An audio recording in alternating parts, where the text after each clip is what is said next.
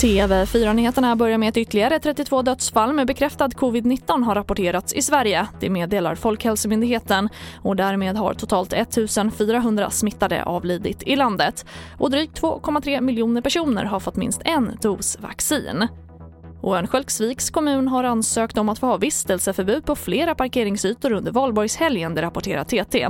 Det är platser där man känner oro för att det kan bli folksamlingar, det säger Per Nylén, ordförande i kommunstyrelsen.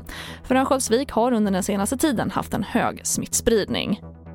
Och sen till Lettland där minst åtta människor mist livet och nio skadats i en kraftig eldsvåda i ett olagligt vandrarhem i huvudstaden Riga. Branden bröt ut på sjätte våningen och identiteten på de som omkommit är oklar. Utöver de döda och skadade ska 24 personer ha räddats ur lågorna och polisen har inlett en brottsutredning. Och vi avslutar i Stockholm där två män skadats med ett vasst föremål nära ett skolområde och har förts till sjukhus med ambulans. Skadorna ska inte vara livshotande.